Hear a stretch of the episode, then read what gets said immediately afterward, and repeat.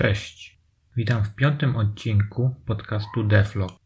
Dzisiaj opowiem o sposobie wybierania poziomów. Na początku, jak zacząłem tworzyć grę, to praktycznie nie było żadnego wybierania poziomów. Po prostu, jak chciałem jakiś poziom przetestować, zobaczyć czy się odpowiednio renderuje, jak działa, to ustawiałem w kodzie odpowiednią klasę, która ma być wywołana, uruchomiona. Nie jest to wygodne, nawet podczas developmentu, więc postanowiłem przygotować sobie warsztat pracy. Dodałem kolejny ekran do menu, więc jak wciśniemy nowa gra, wyświetli nam się lista poziomów. Na razie jest tam tylko jeden poziom, nad którym aktualnie pracuję, ale już sam mechanizm jest zaimplementowany.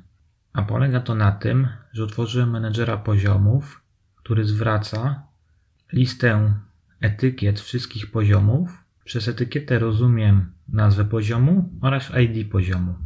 Menedżer ten zwraca również konfigurację danego poziomu, którą pobieramy po ID. Sama konfiguracja poziomów na razie jest przechowywana na sztywno w klasie, ale już to jest lepsze rozwiązanie niż mieszanie to w kodzie z logiką gry. Zostawiłem to tak ze względu, że jeszcze nie podjąłem decyzji, jak będę tą konfigurację dostarczał. Czy to będzie z serwera brane, czy z bazy danych, a może po prostu z pliku. Na razie wystarczy mi zapis w kodzie. Obecnie bardziej mnie interesuje, jak powinienem rozwiązać sam ekran wyboru poziomów. Trochę nad tym myślałem i mam trzy możliwości.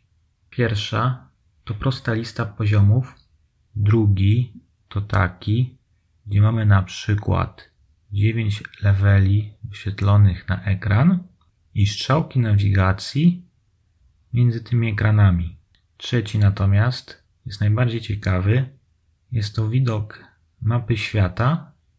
Myślałem o tym, żeby zrobić to na heksach i gracz będzie po tych heksach chodził i wybierał poszczególne misje.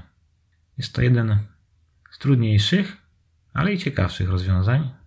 Jak będzie, no to czas pokaże. Na Bitbucket wrzuciłem ostatnie zmiany. Co chwila zresztą tam wrzucam jakieś zmiany, więc może być bałagan. Ale to, o czym mówiłem, jest dorzucone na pewno. Na dzisiaj to tyle. Do zobaczenia, cześć.